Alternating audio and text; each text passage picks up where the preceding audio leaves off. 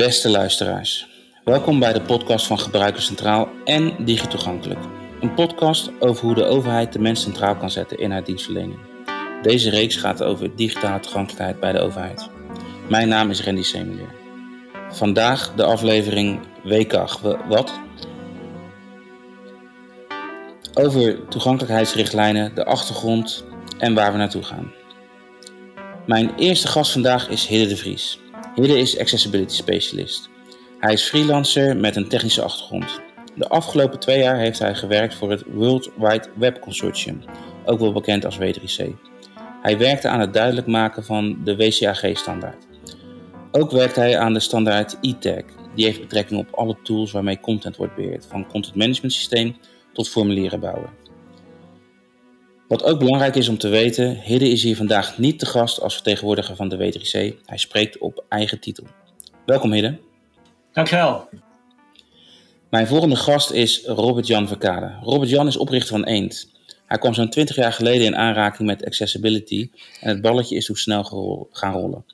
Hij raakte betrokken bij de groep webrichtlijnen. Voor de tweede versie van de webrichtlijnen was hij reviewer hoe hij de afgelopen decennia op verschillende momenten verschillende gevoelens en ideeën had over de standaard en alles wat erbij komt kijken, heeft WCAG hem nooit echt losgelaten. Daarom is hij ook hier. Welkom Robert-Jan. Hi. Ook mijn gast vandaag is Janita Top. Janita is zelfstandig onderzoeker en adviseur. In 2008 kwam zij in aanraking met de webrichtlijnen. Zij werkte toen als developer aan vooral overheidswebsites. Daar de overheid zichzelf al zaken begon op te leggen, kreeg ze als developer snel te maken met richtlijnen. Nu doet Janita vooral onderzoek en adviseert ze andere developers. Ook toetst ze websites als het gaat om de WCAG. Welkom Janita. Dankjewel. Tot slot hebben we vandaag een extraatje. We hebben een column van Raf de Rooij, waarover later meer. Robert-Jan, Drie, oh, ik heb een onderzoek gelezen dat 23% van de mensen met een beperking nooit online gaat. Het was wel een onderzoek uit 2016 eh, en het was onder Amerikanen. Maar toch, als ik dat percentage zeg, wat, wat, wat, zeg, wat, uh, ja, wat denk jij dan? Um, ja, ehm, als ik, zou ik eerst willen weten welke, over welke beperkingen hebben we het. Um, welke mensen waren dat? Waren, waren ze al heel gelukkig met hun leven zonder überhaupt internet te hebben? op zich ja, als het zo is dat de mensen niet online gaan omdat ze niet online kunnen, dan is het wel, eh, wel echt een probleem. Ja.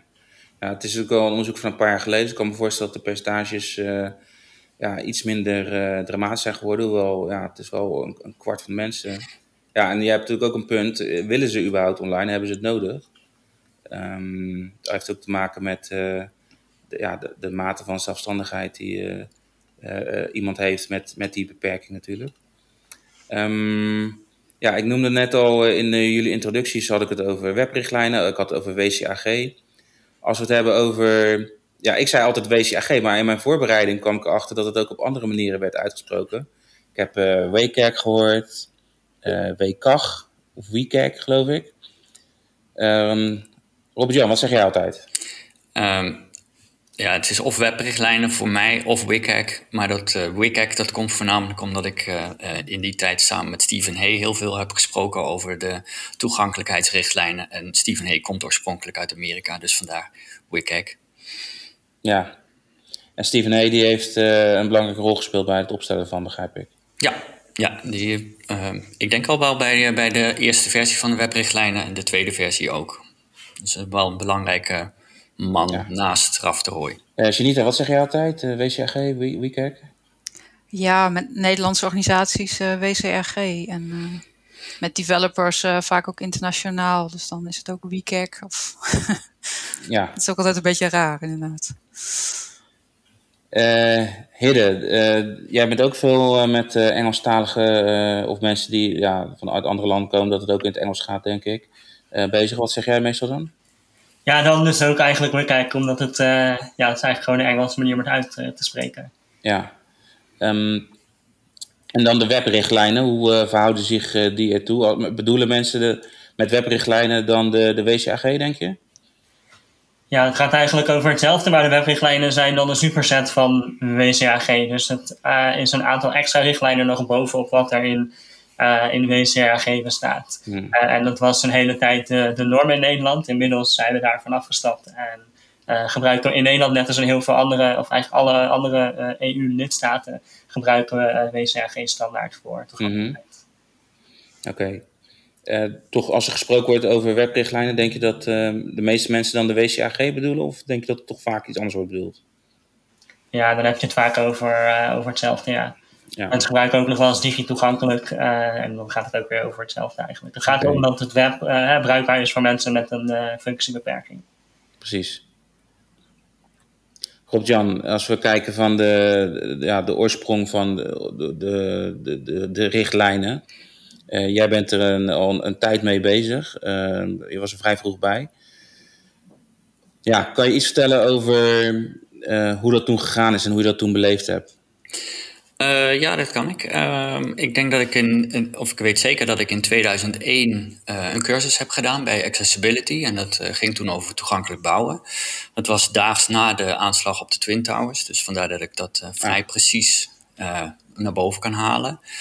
Ehm ja, en toen waren wij al bezig met Eend om te kijken van hoe kunnen we het nou grafisch ook daadwerkelijk op een niveau krijgen, visueel, dat we ook trots kunnen worden op ons werk. Want op dat moment waren er qua toegankelijke websites echt maar heel weinig uh, mooie voorbeelden. En een andere, ander bedrijf dat daarmee bezig was, was uh, Cinnamon uit, uit Leeuwarden. En daar zat Steven Hay en die is al daarnet genoemd als uh, een van de grotere mensen achter de webrichtlijnen.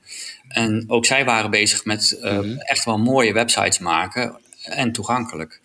Uh, ja, en zo gaandeweg kom je dan in beeld bij Raf de Roy en dan zit je weer bij de andere speler. En ja, zo gaat dat balletje een beetje rollen, dat je vanzelf uh, in die webrichtlijnen ja. gevlogen wordt. En als je nu terugkijkt op de ontwikkeling van afgelopen ja, twee decennia. Uh, hoe kijk je daarop terug? Wat, wat vind je daarvan? Uh, nou ja, in het begin dacht ik wel van dat als je kan laten zien voor wie je het doet en hoe je dat doet, dat iedereen wel mee zou gaan.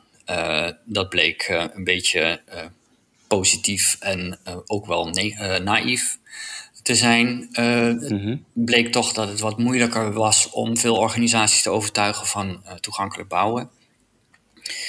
Op een gegeven moment werd het wetgeving. En, toen, en nu zie je dat heel veel overheidsinstanties daar heel druk mee zijn. Janita, als ik uh, kijk naar waar we nu staan, nou, is nu is, is er een stuk wetgeving bijgekomen.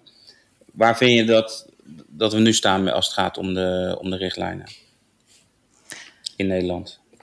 Nou, de nieuwe wetgeving heeft wel veel veranderd. Um, het wordt door veel organisaties nu wel serieus opgepakt. Ook organisaties die er eerst nog niet echt mee bezig waren. Um, mm-hmm. Dus daarin merk ik wel veel verandering. Het is ook wel uh, um, in die zin professioneler geworden, zeg maar. Uh, er zijn meer mensen mee bezig, er zijn meer organisaties, meer bedrijven mee bezig. dus het wordt in die zin ook, uh, ook wel makkelijker om nou ja, er wat mee te doen. Maar tegelijk is er nog wel een hele, heel veel, een, ja, een hele weg te gaan om al die websites ook echt goed toegankelijk te krijgen. Heel veel websites die hebben nu, waar ze nu de eerste stappen aan het zetten zijn. Um, ja, dat is een begin, dus dat is mooi. Maar dat, dan zijn er nog steeds wel heel veel dingen die aangepast moeten worden. Ja, begrijp ik. En als je praat over die organisaties, heb je het dan voornamelijk over overheidsorganisaties of doe je het dan breder? overheid, maar ook wel semi-overheid, zoals zorginstellingen, um, begint het ook wat te komen, heb ik het idee. Mm als je kijkt uh, ja, waar we nu staan, heb jij nog iets op aan te vullen over uh, de situatie in Nederland op het, uh, op het moment? Ja, ik denk dat naast de overheid er ook steeds meer grote bedrijven aan het meedoen zijn en echt geïnteresseerd zijn in hoe kunnen we onze, onze websites toegankelijker krijgen. En dat is natuurlijk om allerlei redenen. Uh, er is nog geen specifieke wetgeving voor uh, commerciële partijen om dat te doen. Dat komt er wel aan. Uh, maar het is natuurlijk wel zo dat een commerciële partij ook commerciële redenen heeft. Hè. Ze kunnen natuurlijk meer geld verdienen als ze meer gebruikers bedienen. Mm Als je een bedrijf bent wat, wat ontzettend veel verkoopt online, dan kun je een bepaald percentage meer verkopen. En dat is dat, dat zie ik als, als freelancer zelfs dat ik dan word gevraagd: hey, kun, kun je misschien helpen? Want we willen die doelgroep ook nog, nog aanboren. Oké. Dus het lijkt erop dat bedrijven ook meer die business case beginnen te zien. Iets wat misschien, uh, ja, Robert-Jan, in de tijd waar jij dan net over sprak, dat dat minder gezien werd. ja, dat zal. Ja, geen idee of ze toen al de business cases zagen. Of misschien dat de, de moeite die ze erin moesten steken zo groot was. Uh, ja, dat de business case dan verdwijnt als sneeuw voor de zon. Ja, het heeft denk ik ook wel iets te maken met schaalbaarheid. Dus een organisatie, een, laten we als voorbeeld een webwinkel nemen. Als je een webwinkel bent die al een flink groot klantenbase heeft, dan zal het aantal mensen wat ehm, uh, een beperking uh, heeft die je ook wil bedienen, dat zal groter zijn dan een webwinkel die uh, ja, tientallen zaken per producten per, per maand verkoopt.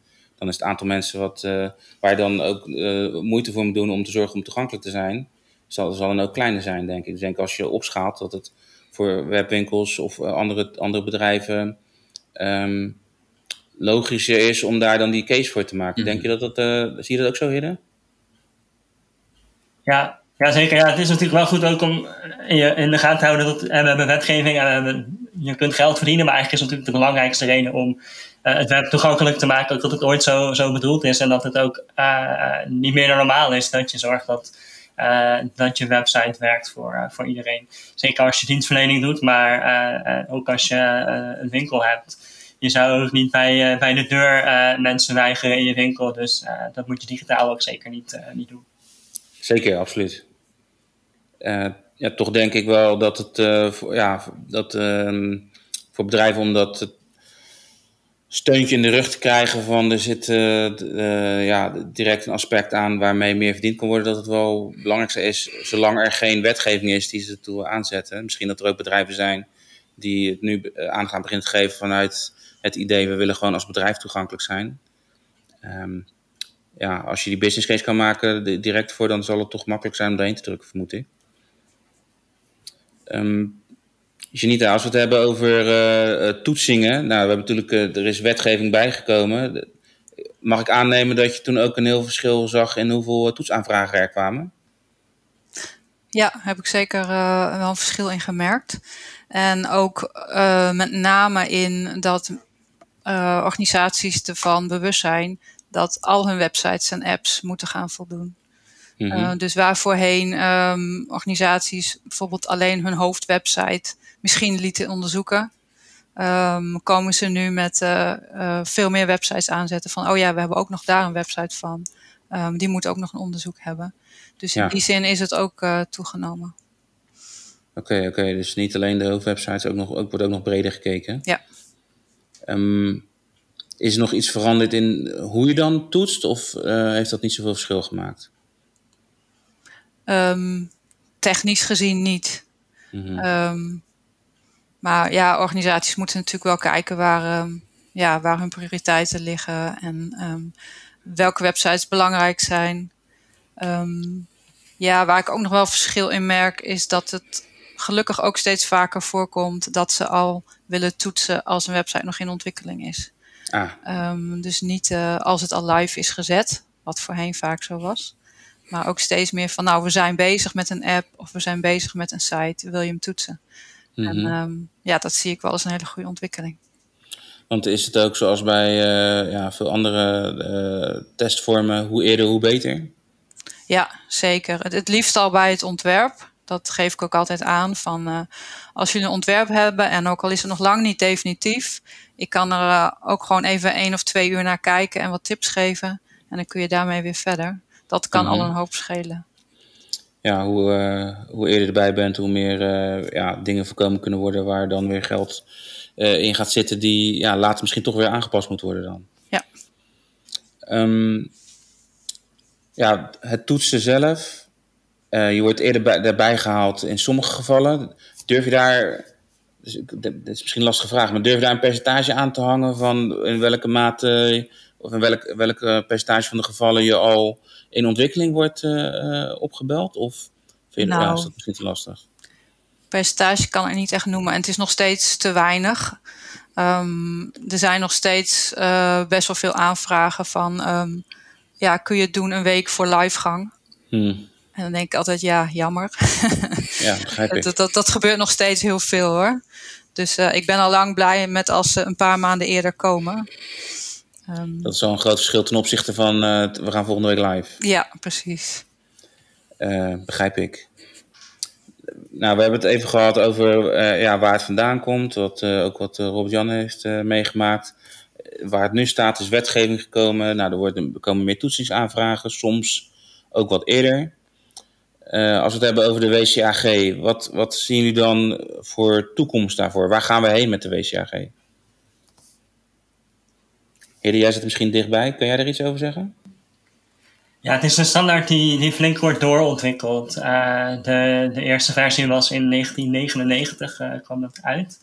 Uh, nou, het werk in 1995 was, was begonnen. dat ging dan om versie 1. We zitten inmiddels op versie 2.1. Die 2018 is uitgekomen. En ja, 2.2 komt eraan. Daar wordt nu, nu aangewerkt. Mm -hmm. De bedoeling dat die nu ongeveer uit zou zijn. Dat, dat heeft een klein beetje vertraging. Uh, maar uh, ja, er wordt gewerkt weer aan in ieder geval een nieuwe versie van, uh, van WCAG 2. Um, ehm, en dan gaat het bijvoorbeeld over dingen zoals toegankelijke authenticatie. Dus als je gaat inloggen, dat dat dan op een toegankelijke manier kan. Het mm gaat over dingen als drag and drop. dat ah. knopjes niet te klein zijn, dus allerlei, allerlei verschillende dingen eigenlijk om, om dingen beter te maken. Um, vaak gaat het bij die doorontwikkeling ook om zorgen dat er meer verschillende beperkingen worden meegenomen. Dus uh, in de eerste versies werden er vaak dingen meegenomen die makkelijker in een specificatie zijn uh, te vatten. en er werd ook steeds meer geluid, kwam er uit andere hoeken van hé, hey, wacht, er zijn nog meer beperkingen waar we misschien ook iets mee moeten. Want mm -hmm. die standaard is er uiteindelijk om proberen te garanderen dat het web werkt voor mensen met een beperking. Maar ja, welke beperkingen je dan precies meeneemt, dat, daar kun je natuurlijk nogal in verschillen. Um, en dan gaat het bijvoorbeeld over cognitieve toegankelijkheid. Dat is eh, een van de dingen die wat meer achter is gebleven.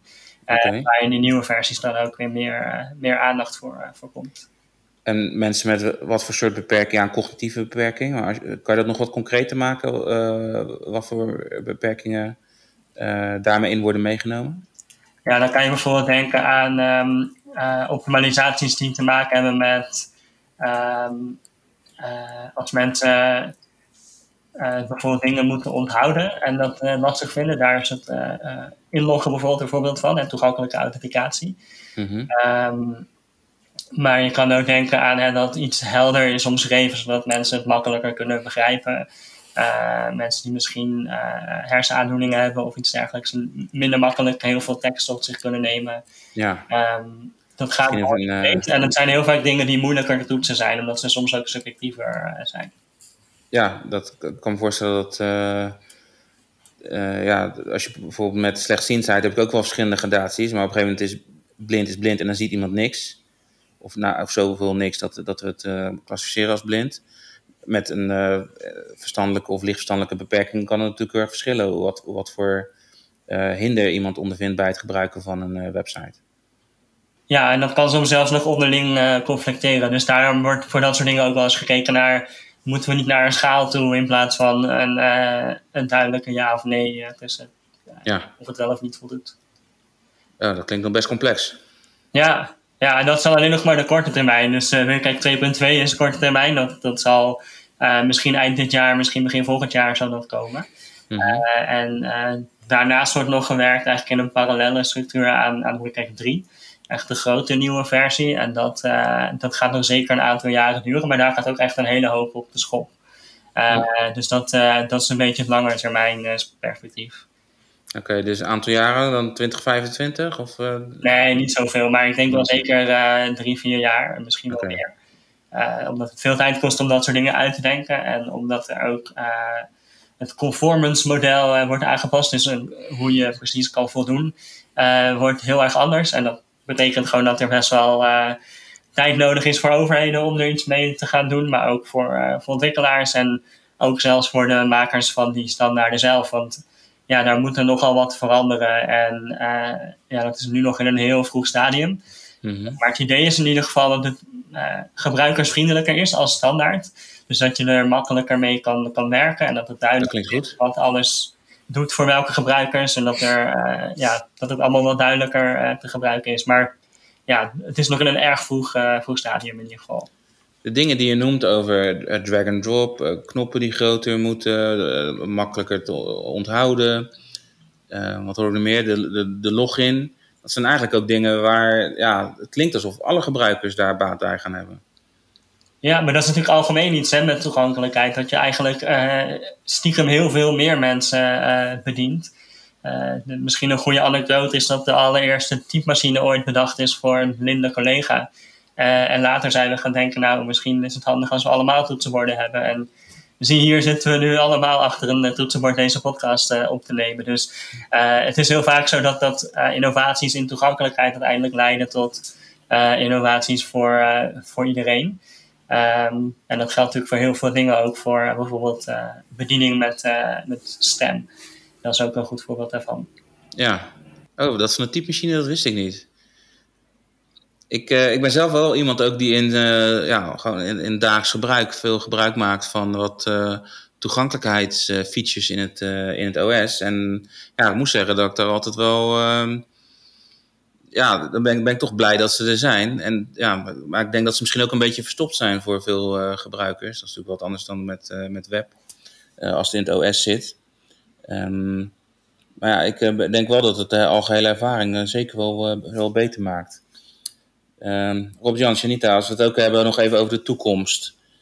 Uh, je hebt net even gehoord wat is er uh, ja, op de relatief korte termijn, wat gaat er gebeuren. Hebben jullie een idee van wat vind, wat vind je dat er moet gebeuren? Wat, uh, wat, wat vind je belangrijk om in de, de, komende jaren of misschien nog wel verder om aandacht aan te geven? Heb je daar een idee over?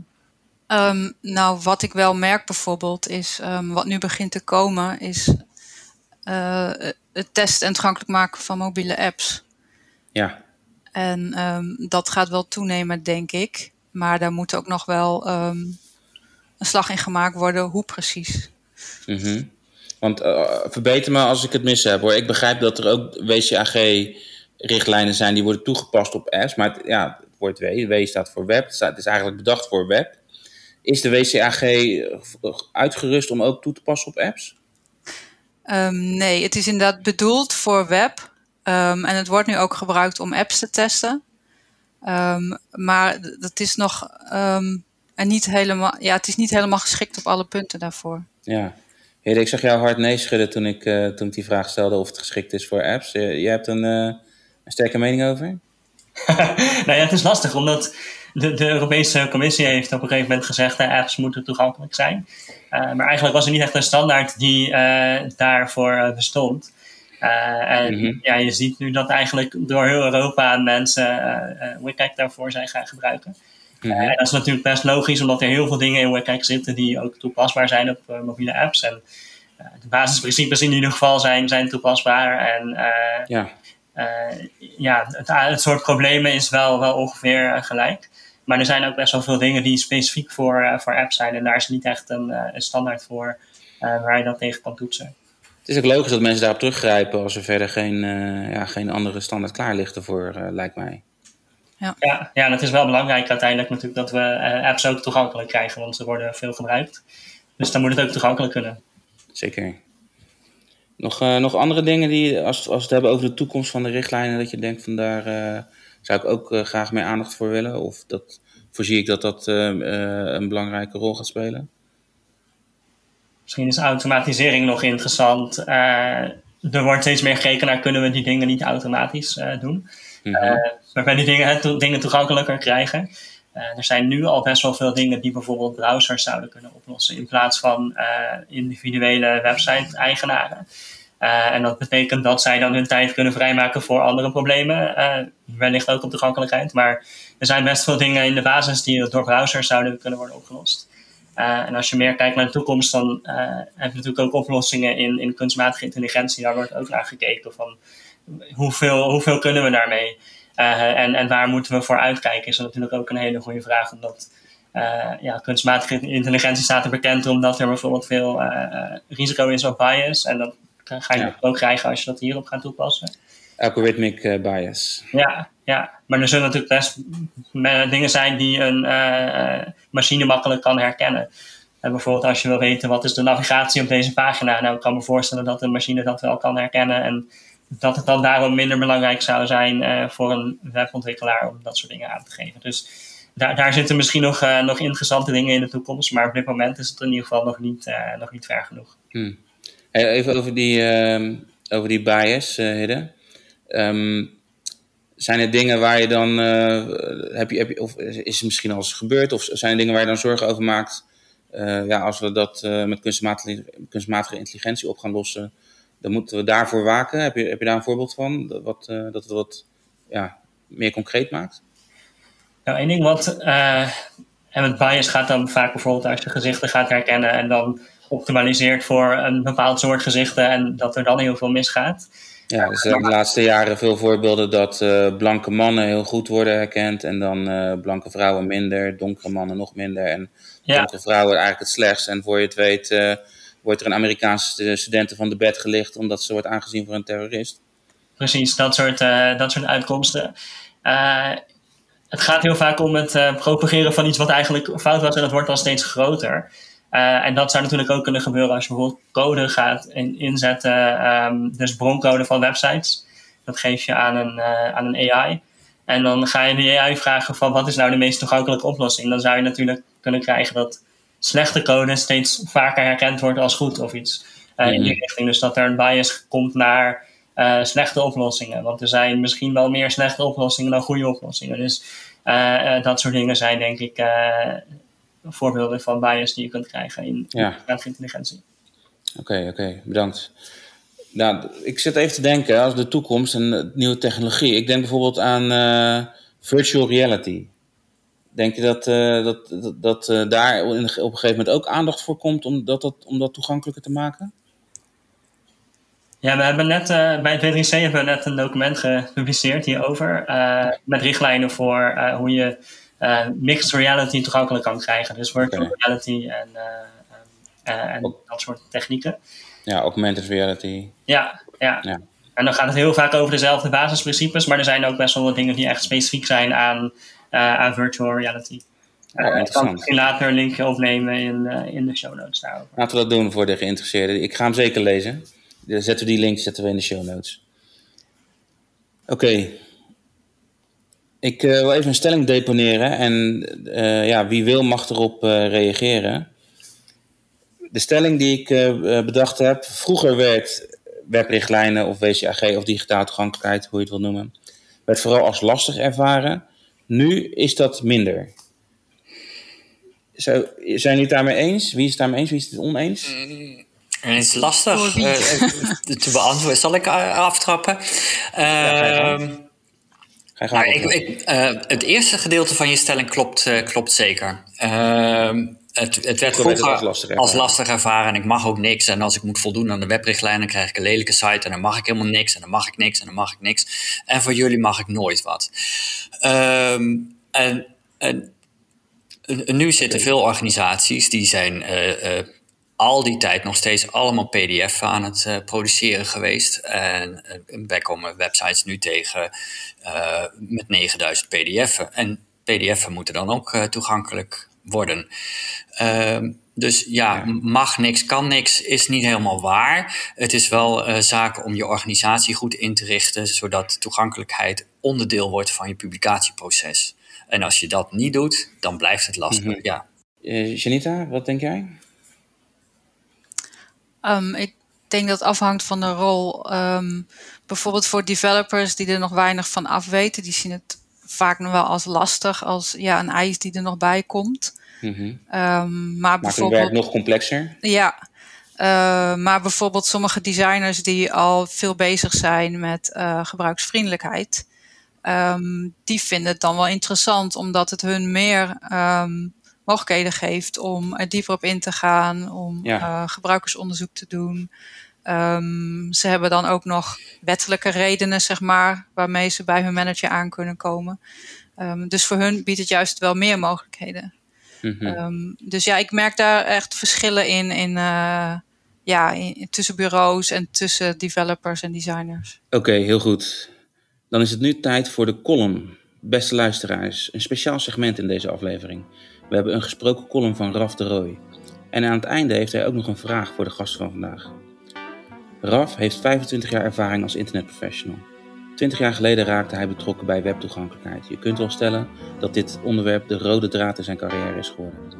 Raf heeft gewerkt aan en voor Drempels Weg, webrichtlijnen versie 1 en 2, drempelvrij.nl, het verantwoordingsmodel digitale toegankelijkheid en de applicatie toegankelijkheidsverklaring.nl. Een autoriteit op het gebied van digitale toegankelijkheid, kunnen we wel stellen. Hier volgt zijn column. In deze column ga ik het hebben over wat er zoal vooraf ging aan de huidige wettelijke toegankelijkheidsverplichting. En daarvoor moeten we meer dan 20 jaar terug in de tijd. Want in Nederland staat het onderwerp al sinds 2000 op de kaart. Twee leraren van een blindeninstituut in Zeist publiceerden toen namelijk een boek over het onderwerp, Sightseeing. De auteurs waren Henk Snetselaar en Erik Velleman, een informatica-docent en een aardrijkskundedocent. En ze hadden met hun boek een primeur, want het was namelijk het allereerste Engelstalige boek over webtoegankelijkheid.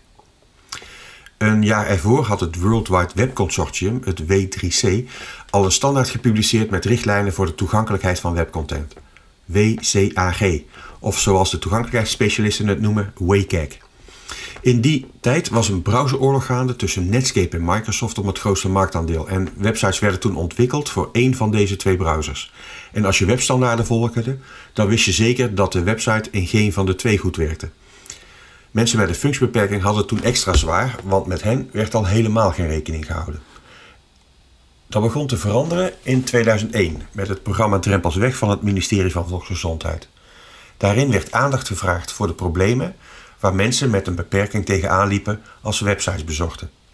Om een idee te geven, bij veel websites kwam, kwamen ze in 2001 niet veel verder dan de homepage.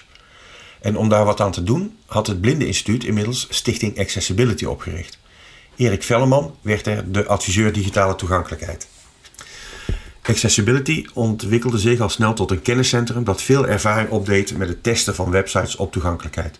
En ook bij de overheid begon het een onderwerp te worden. Dat werd vooral duidelijk met het kabinetsplan Andere Overheid van eind 2003.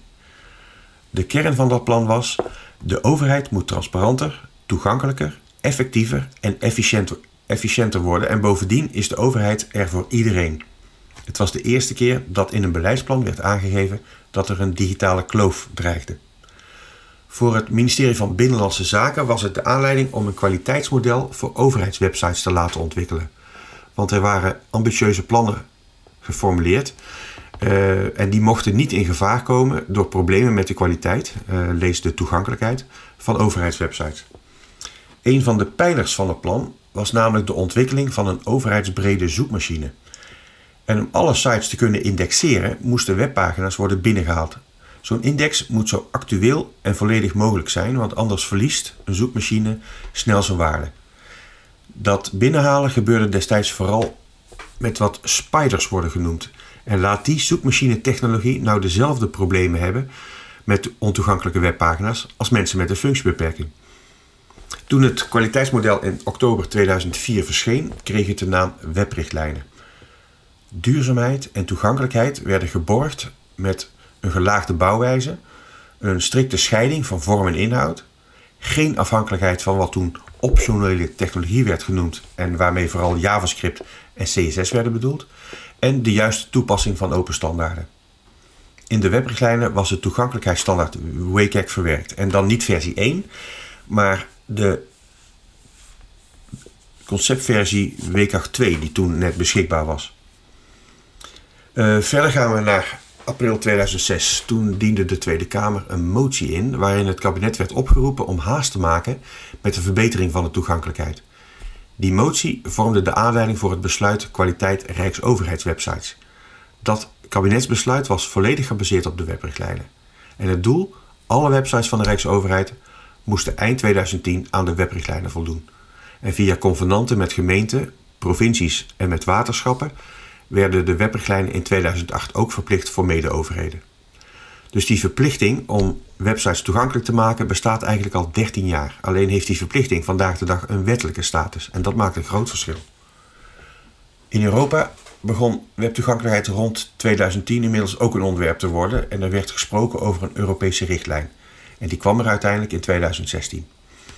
Achter de schermen heeft Nederland een belangrijke bijdrage geleverd aan de totstandkoming ervan, want in ons land was al de nodige ervaring voorhanden met wat wel werkt en wat niet. Mede om die reden is nu niet alleen wettelijk verplicht om de toegankelijkheid te verbeteren, maar ook om via een openbare verklaring verantwoording af te leggen over hoe ver een overheidsinstantie ermee is gevorderd. Want alleen eisen dat je volledig aan alle eisen van een standaard moet voldoen, werkt vaak niet zoals in het verleden al gebleken. Sinds vorig jaar zijn er voor zo'n 3000 websites en apps toegankelijkheidsverklaringen gepubliceerd en zijn er meer dan 5300 overheidsdomeinen in beeld. Dat zijn er meer dan verwacht, maar het zijn nog lang niet alle websites en apps. Er is dus nog het nodige werk te doen en ook het toegankelijkheidsniveau moet verder verbeteren. Tegenwoordig wordt webtoegankelijkheid steeds minder gezien als een technische uitdaging steeds meer als een organisatorische. En dat is een goede ontwikkeling, want bestuurlijke betrokkenheid en commitment blijken een randvoorwaarde te zijn voor succes met toegankelijkheid. De vraag is alleen, hoe krijg je die betrokkenheid en commitment grootschalig en met een langdurig effect voor elkaar? Ik ben benieuwd welke suggesties en ideeën Hidde, Robert-Jan en Janita hiervoor hebben. Dat was de column van Raf de Reu. Raf, bedankt voor uh, het inspreken en, van de column.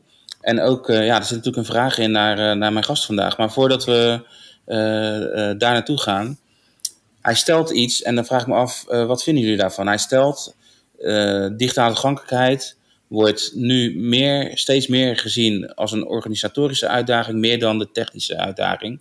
Robert-Jan, uh, wat vind je daarvan? Ben je het daarmee eens? Daar ben ik het zeker mee eens, omdat je kunt het technisch zo goed afregelen. Uh, als je de organisatie daarmee niet hebt uh, ingericht, dan, dan, zie je gewoon dat, dat er linksom of rechtsom nog steeds heel ontoegankelijke dingen online worden gezet. Dus die organisatie die moet eigenlijk over de hele breedte bewust zijn van toegankelijkheid als basisnorm. Heb je dat niet voor elkaar, dan ben je na twee jaar na het opleveren van je website ben je nog op hetzelfde punt als wat je, wat je eerder had. Weer terug bij af. Ja.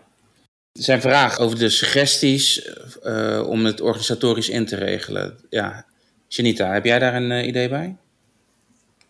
Ja, nou ja, ik denk dat tegenwoordig organisaties wel steeds meer van bewust zijn dat een website nooit af is en, en dat je er altijd aan blijft werken. En dat het ook steeds normaler is om bijvoorbeeld elke twee weken of elke vier weken een, een nieuwe release te doen van je mhm. app of je site.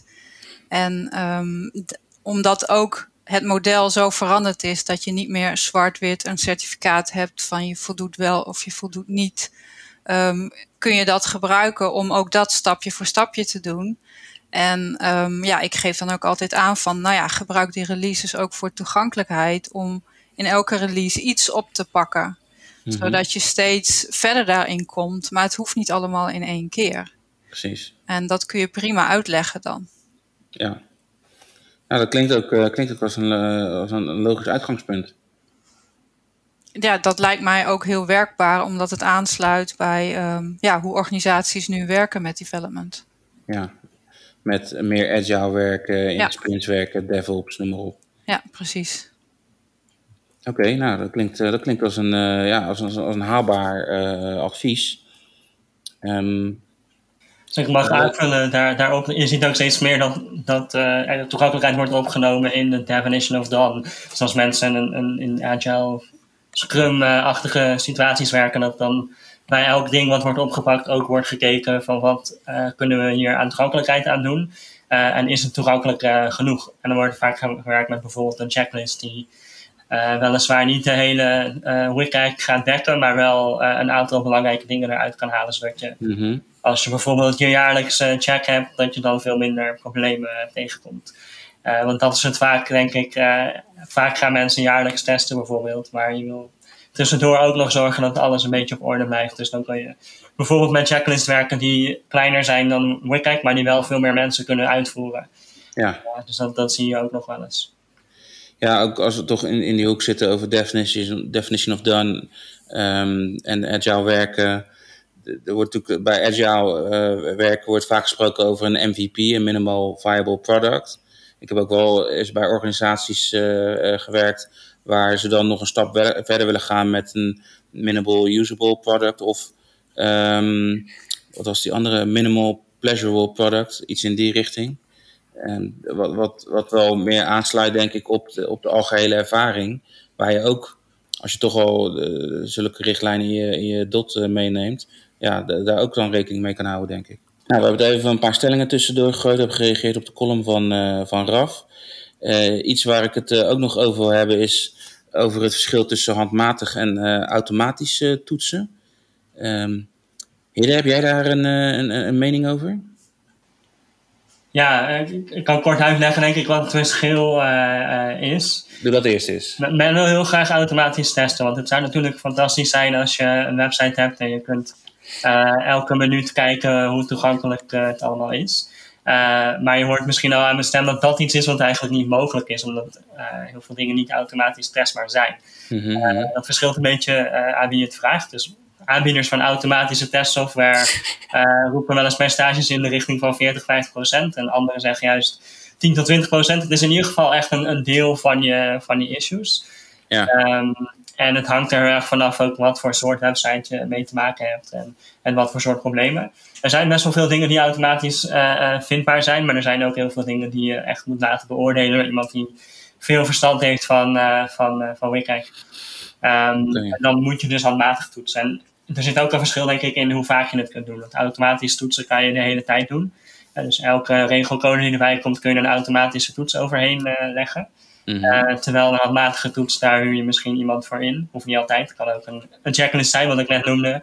Uh, Dat je dat in je team oppakt. Maar dat kun je ook door iemand laten doen en dan heel WCAG langslopen. Maar dan heb je bijvoorbeeld 50 richtlijnen die je gaat nalopen. En dat is wel heel wat anders. Dat is ook een groter, groter project.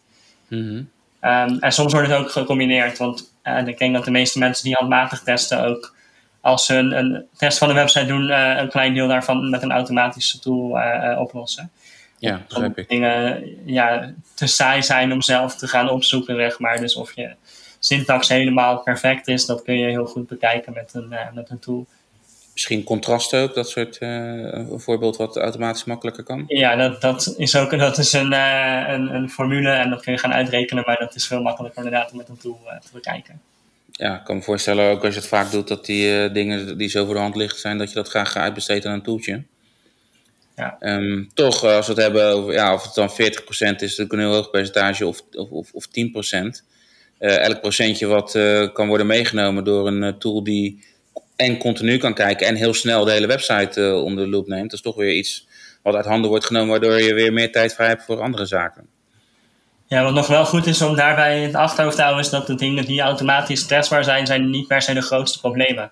Ah. Dus het kan wel zijn dat je ze makkelijk kunt testen, maar het betekent misschien niet dat ze uh, een grote barrière vormen. Terwijl misschien de dingen die moeilijk testbaar zijn, wel grote barrières zijn. Dus dat is wel uh, de, de impact van de issues is niet altijd gelijk aan hoe makkelijk je ze, ze kan testen.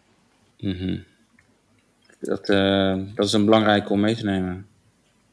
Zou wel mooi zijn. nou, misschien iets voor de toekomst uh, nog om aan te werken. Um, jij hebt ook uh, gewerkt aan een, of je werkt nu nog steeds moet ik zeggen, aan een standaard voor offering tools, zoals dat wel genoemd wordt. tools waarmee content wordt beheerd die online komt. Wat kan je daar nog over vertellen? Ja, dat grijpt al een klein beetje terug op wat we eerder zeiden. Wat Janita, Janita eerder zei, dat hoe eerder je begint met toegankelijkheid, hoe, hoe beter. Ja, precies. En ook bij de keuze van tools die je gebruikt. En met name dan uh, CMS-tools, tools waarmee je formulieren maakt, waarmee je raadsvergaderingen opslaat. eigenlijk alles waarmee je webcontent kunt maken. en dus alles wat onder WCAG valt. Mm -hmm dat soort tools, daarmee kun je eigenlijk je toegankelijkheid veel eerder aanpakken. Want als die tool goed is in toegankelijkheid en toegankelijkheid goed meeneemt, dan wordt het uiteindelijk product wordt daar veel beter van. Um, want ja, dan heb je uiteindelijk misschien veel minder problemen. En, en zo'n tool kan ook helpen met het vinden van problemen. Dus als je, je kan je voorstellen als je CMS, CMS hebt waar je een afbeelding inzet en je gooit er wat tekst overheen, dan zou dat CMS kunnen detecteren, hé hey, wacht, er zit niet genoeg contrast in. En die zou daar iets over kunnen zeggen. Of mm CMS kan ook stil blijven. En als je een CMS kiest wat dat soort dingen opmerkt, dan uh, is je toegankelijkheidsstrategie ineens iets makkelijker te doen. Want uh, dan zijn bepaalde problemen gewoon eerder, uh, eerder vindbaar. Um, en ja, daar is een standaard voor, dat is de ETAG standaard. kunnen we ja. een linkje naar opnemen in de show notes. Dus je zegt uh, ETAG, maar het is, je schrijft ATAG, geloof ik. Ja, sorry, ik spreek het dan weer op zijn Engels uit. Het is ATAG. Um, en dat is dus een standaard voor alle tools die webcontent maken. Uh, en dan kun je denken aan, aan CMS'en, maar ook bijvoorbeeld aan uh, Learning Management Systems, LMS. Mm -hmm, wat op scholen wordt gebruikt, uh, wat in ziekenhuizen wordt gebruikt. En meestal zijn dit ook tools die heel erg een snijvlak hebben met mensen in dagelijks leven. dus iemand die naar een, een, dokter moet en medicijnen nodig heeft en een recept krijgt wat online staat. Dat is misschien wel webcontent, dat wordt misschien wel gegenereerd door een of andere tool. En als die tool daar heel goed in is, dan is dat misschien toegankelijker. En ik denk dat we daar heel veel kansen kunnen grijpen. Want als, als we dat soort tools toegankelijker kunnen maken en toegankelijkheid beter laten uh, embedden, dan kunnen we ja, zorgen dat dat soort dingen juist toegankelijker worden. En dat geldt natuurlijk ook voor onderwijs. Je wil dat iedereen onderwijs kan volgen. Uh, dus ook daar geldt dat het, ja, als je die tools beter toegankelijk kunt krijgen, dan kan het hele onderwijs daarmee uh, toegankelijker worden voor, voor veel meer mensen bruikbaar. Mm -hmm. En daar wordt ook wel veel aandacht aan besteed. En dat komt ook omdat in de Verenigde Staten de uh, wetgeving net wat anders in elkaar zit. En daar je uh, voor de rechter kan worden gesleept als school als je niet zorgt dat al je leerlingen het, uh, het kunnen volgen. Um, en daardoor zijn heel veel tools daar ook echt, echt mee bezig. en ja, de richtlijn daarvoor is dus de, de ATOG standaard. Wordt veel minder op gecheckt. Het komt wel voor in de Europese norm. Uh, Niet onder de noemer ATAG, maar wel onder de noemer uh, Authoring Tools. Okay. en uh, ja, het is voor iedereen die zo'n tool maakt belangrijk, denk ik, om dat mee te nemen. Dus als je een formulierengenerator verkoopt aan gemeenten en je kunt erbij vertellen, die van ons maakt toegankelijke formulieren, ja, dan een tip voor iedereen die luistert, ga dat doen. maar het is natuurlijk ook zo dat als je een gemeente bent en je gebruikt zo'n tool, dat je daar dan ja, betere resultaten mee kunt boeken. Uh, omdat er ja, betere output uh, uitkomt. Hey Hidde, en uh, merk je dan ook dat uh, die fabrikanten van dergelijke tools dat ze dat als selling point dan willen gaan gebruiken? Ja, vanuit de VWC willen we dat graag zien. vanuit de Europese Commissie, waar ik een project mee doe voor het VWC, willen ze dat ook graag zien. Um, ik moet zeggen, uit praktijk kan ik zeggen dat ik het soms zie, maar, maar niet heel vaak. Uh, Er zijn ook in Nederland wel, wel fabrikanten die het erbij zeggen. En ik denk dat dat een hele goede ontwikkeling is. Uh, maar ik zou het graag meer zien. En ik denk ook dat het echt een, uh, een mooie kans is. Omdat er ongelooflijk veel websites zijn. Raf noemde het net al. Er zijn heel veel websites die toegankelijk moeten zijn. En systemen die toegankelijk moeten zijn en blijven. dus als je dat soort tools ontwikkelt en je, je, je hebt je toegankelijkheid goed op orde. Um, dan dan kun je dat beter verkopen aan, aan je klanten. Uh, en dat zou je dan dus kunnen doen aan de hand van de, de ATAG-standaard. Die gaat in op allerlei verschillende dingen die te maken hebben met, uh, met authoring tools, met, met dat soort systemen. Ja, ja, ik heb zelf een achtergrond ook in CMS. En ik, als ik wat eerder in mijn carrière kijk, dan merkte ik vaak een spanningsveld tussen de gebruikservaring en gebruiksvriendelijkheid enerzijds. En anderzijds ook wat de opdrachtgever dan graag wilde qua functionaliteit. Meer functionaliteit betekende vaak dan ja, risico uh, dat de gebruikservaring voor zowel de content manager als uh, de uiteindelijke eindgebruiker uh, dan minder kon worden. Um, ik kan me voorstellen dat, dat, dat die bedrijven die die tools maken, ja, wel meekijken met zo'n standaard, maar ja, misschien toch ook hun eigen mening ervan hebben. Hoe, hoe, ga ja, hoe is de relatie als je aan zo'n standaard werkt met de bedrijven waar het dan uiteindelijk moet op worden toegepast? Ja, iets waar we mee bezig zijn uh, bij het W3C is een lijst van, uh, van tools. Waar uh, organisaties zoals gemeenten, zoals overheden kunnen kijken welke tool moet ik gaan kopen. en we willen graag dat iedereen op die lijst komt. En we willen graag laten zien wat voor fantastische functionaliteiten er worden gemaakt bij al die leveranciers. en daar zijn we mee bezig. Maar het gaat wel op basis van de, de, de ETAC standaard. En dat betekent dus dat er wel aan allerlei van dat soort eisen moet, moet worden voldoen. Dus ja, is het bijvoorbeeld mogelijk om een alternatieve tekst bij een afbeelding toe te voegen. Er zijn sociale netwerken waar dat tot voor kort gewoon nog niet kon. Ja, uh, ja, je ziet wel eens een minister aftreden, zoals vandaag met een berichtje op Twitter een plaatje erbij, tekst erin, geen, geen alternatieve tekst. Dus dat zijn, dan, dat zijn dingen die heel erg veel voorkomen. Ehm, eh, maar goed, die, die lijst van, van authoring tools die zal dus zijn op basis van die ATEX standaard. En we hopen daarmee dat bedrijven met ons mee willen doen en ook willen laten zien wat ze allemaal in huis hebben. Of misschien daar dan toch een keer een extra team uh, op zetten. Want ja, ze kunnen een hoop, een hoop verbeteren. en ja, er zit een soort um, eh, er zit een, een, een, effect achter. Want als je dat één keer goed doet, dan kun je heel veel verschillende sites in één keer oplossen. Dus als jij als leverancier voor 100 gemeenten werkt, dan kun je ineens 100 gemeentes meer toegankelijk maken. En dat is denk ik heel interessant. Zeker, ja. Mooi, mooi om daar ook even iets over te horen. En laten we ook een aantal van die linkjes naar die lijst, naar de, naar de, de guidelines zelf, laten we dat ook opnemen in de show notes, zodat luisteraars dat makkelijk terug kunnen vinden. Oké, ik, we, ja, we gaan richting de, de afronding van, van ons gesprek. Voordat we, ja, ik heb gekeken van wat zijn wat takeaways die ik mee wil geven aan de luisteraar. Voordat ik daar naartoe ga. Als we het nou hebben over een, een quick win of wat laaghangend fruit. Uh, als het gaat om het toepassen van een, een, een richtlijn of als het gaat om hoe je het kan toetsen of hoe je het kan embedden in je organisatie. zou ik het mooi vinden om van jullie alle drie iets te horen wat je, wat je dan graag wilt aanstippen. Wie kan ik als eerste het woord geven? Ja, uh, Robert Jan. Ja. Vertel. Neem het mee in je aanbesteding op het moment dat je voor een nieuwe leverancier kiest. Uh, dat kan zijn voor je ontwerp of voor je CMS, maakt mij allemaal niet zoveel uit. maar zorg er ook vooral voor dat je het in je organisatie goed op poten krijgt. Daar zit, ja. daar zit de grootste crux. Okay ja, in je organisatiepoot krijgen denk ik wel wat meer voet in de aarde dan het, een, een regel erbij bij een, een uh, offer die naar, uh, die, die naar de verschillende partijen gaat. Ja. Um, Oké, okay, bedankt. Janita. Ja, ik denk dat het goed is om te kijken binnen een organisatie wat je al hebt en wat voor toegankelijke sites je al hebt. Um, ik zie bijvoorbeeld vaak dat gemeentes dan um, voor een nieuw project een nieuwe site maken in weer een nieuw systeem van weer een nieuwe leverancier. Um, dat kan goed gaan, maar het gaat vaak qua toegankelijkheid niet goed. Mm -hmm. Terwijl, ja, je hebt die kennis al, je hebt al systemen waar het al wel goed in werkt.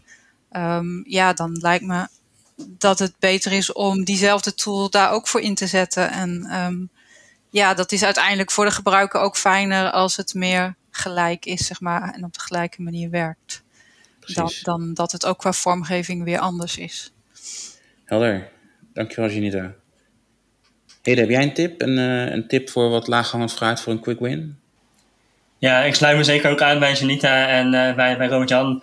Um, het is belangrijk om bij aanbestedingen uh, die standaarden mee te nemen. En misschien ook expliciet te zeggen, laat je rapport maar zien als je ons, bij ons dat werk komt doen. en zegt dat je eraan kunt voldoen. Want er wordt nog wel vaker gezegd dat men voldoet dan dat het ook echt zo, zo is. Mm maar als ik een tip zou moeten geven, dan wil ik misschien eentje doen vanuit mijn achtergrond als ontwikkelaar. Um, als je mensen gaat aannemen voor, als, als developer, um, dan ga je natuurlijk kijken wat ze allemaal kunnen, maar zorg dat ze HTML kunnen. Uh, dat is iets wat heel vaak niet in um, omschrijvingen staat, waar ook als er sollicitaties zijn niet per se naar wordt gekeken. het is interessant als je het laatste framework kunt of fantastische beeldtools kunt gebruiken en al dat soort dingen. En heel vaak wordt er niet meer gekeken naar of de HTML-kennis in orde is. En ik denk dat dat een van de snelste winst kan zijn. Uh, een van de mooiste manieren om uh, snel vooruit te komen is als je ontwikkelaars daar ontzettend goed in zijn. en dat is eigenlijk iets wat, wat je in Nederland niet per se heel veel ziet. dat mensen daar goed in zijn. Dus als je die kunt vinden, dan heb je al gauw een voorsprong. Want dat merk ik in ieder geval als ik rapporten maak. dat ik heel veel van de problemen die ik vind, dat die eigenlijk in de HTML zitten. En dat ze niet zouden bestaan als de ontwikkelaar in kwestie heel goed zou zijn in HTML. Dus ik ga daarop op uitzoeken als je mensen gaat aannemen. Een hele mooie tip, denk ik, voor ja, de, een wervingstip eigenlijk. En ook voor hiring managers. Je zegt het zelf al, misschien niet zo'n hele eenvoudige tip. Want ja, ze zijn, ja, schijnbaar is, ik, ik, neem dat dan even aan van jou, ik heb daar zelf wat minder zicht op. is het niet zo eenvoudig om dan mensen te vinden die ook HTML goed erbij pakken. Misschien ook een tip voor mensen die zich er dan in willen verdiepen, die aan de ontwikkel, ontwikkelkant zitten. Zorg ook dat je HTML-kennis op orde is. Zou ik dat zo dan toe kunnen voegen, Heden? Zeker, ja. En, en stuur je mensen een workshop als ze niet goed in zijn, want het is niet per se de ingewikkeldste taal om te kunnen. Maar, als je al en met andere dingen bent, dan ja, zou je zeggen, pak die er ook dan bij. Pak hem erbij, ja. Heel goed, bedankt. Oké, nou ik heb uh, dit gesprek, uh, ja, ik heb natuurlijk jullie, al jullie meningen en jullie antwoorden gehoord. Er zijn een paar dingen die mij zijn opgevallen die ik even dan eigenlijk samenvat voor de luisteraars takeaway. Als we het hebben over automatisch testen. Het is zeker een handige aanvulling, maar je kunt er absoluut niet alles mee, verre van. En ja, de zaken die ook makkelijk automatisch te testen zijn, zijn niet per se de grootste struikelblokken. Dus verwacht niet dat je daar alles mee af kan vangen. We gaan met digitale toegankelijkheid van een meer technische uitdaging naar meer een organisatorische uitdaging. Het moet in de organisatie uh, goed worden opgepakt, moet embedded zijn uh, in de organisatie uh, om te zorgen dat er structureel aandacht voor is. Want alleen met een aanbesteding aandacht voor of met een project en daarna het weer laten varen, dan ben je zo weer bij nul. En dat is zonde offering tools die toegankelijk content creëren, die zijn er. Er is een lijst van, er is een standaard voor. We zorgen dat die linkjes in de show notes komen. Dus kijk er ook speciaal naar uit als je uh, een nieuwe tool wilt gaan gebruiken. En ja, ook nog een hele mooie. Zorg ervoor, als je, zeker ook met korte releases, met kortere ontwikkelcycli. Zorg ervoor dat elke release iets in je release zit wat met toegankelijkheid te maken heeft, wat de toegankelijkheid verbetert. Dan ben je er toch continu aan bezig en neem het op in je dot, in je definition of done. Dan hebben we denk ik een paar mooie uh, ja, zaken, wat takeaways voor de luisteraar om mee te nemen. Oké, wil ik jullie heel erg bedanken voor jullie, uh, ja, eigenlijk jullie tijd en jullie inzichten en jullie uh, kennis. Uh, bedankt Raf ook voor je column. Nou, tot zover mijn gesprek met Hille de Vries, Robert-Jan Verkade van Eend en Janita Top. Dat was het dan voor deze aflevering. Bedankt voor het luisteren. Heb je interesse in meer interessante gesprekken als deze? Abonneer je dan op de podcast via Spotify, Apple Podcasts, Google Podcasts of in je favoriete podcast-app. Dan kun je eenvoudig de volgende aflevering beluisteren. Het helpt ons ook enorm als je op het platform van je keuze een recensie achterlaat. En zit er iets belangrijks in de aflevering voor jouw organisatie? Deel het dan met je collega, manager of product owner. Wil je meer weten over digitale toegankelijkheid? Ga dan naar gebruikerscentraal.nl en digitoegankelijk.nl. Tot slot, beste luisteraars. Soms kijk ik het nieuws en als je alleen daarop af zou gaan, dan zou je denken: wat is er veel verdeeldheid? Ik denk dan graag aan de woorden van het fictieve karakter Arrow. Het is belangrijk om wijsheid te halen van veel verschillende plekken. Als je het van één plek haalt, wordt het rigide en muf. En daarop aansluitend, en ik denk ook mooi toepasbaar als het gaat om digitale toegankelijkheid, Soms is een ander helpen de beste manier om je eigen problemen op te lossen. Beste luisteraars, tot de volgende.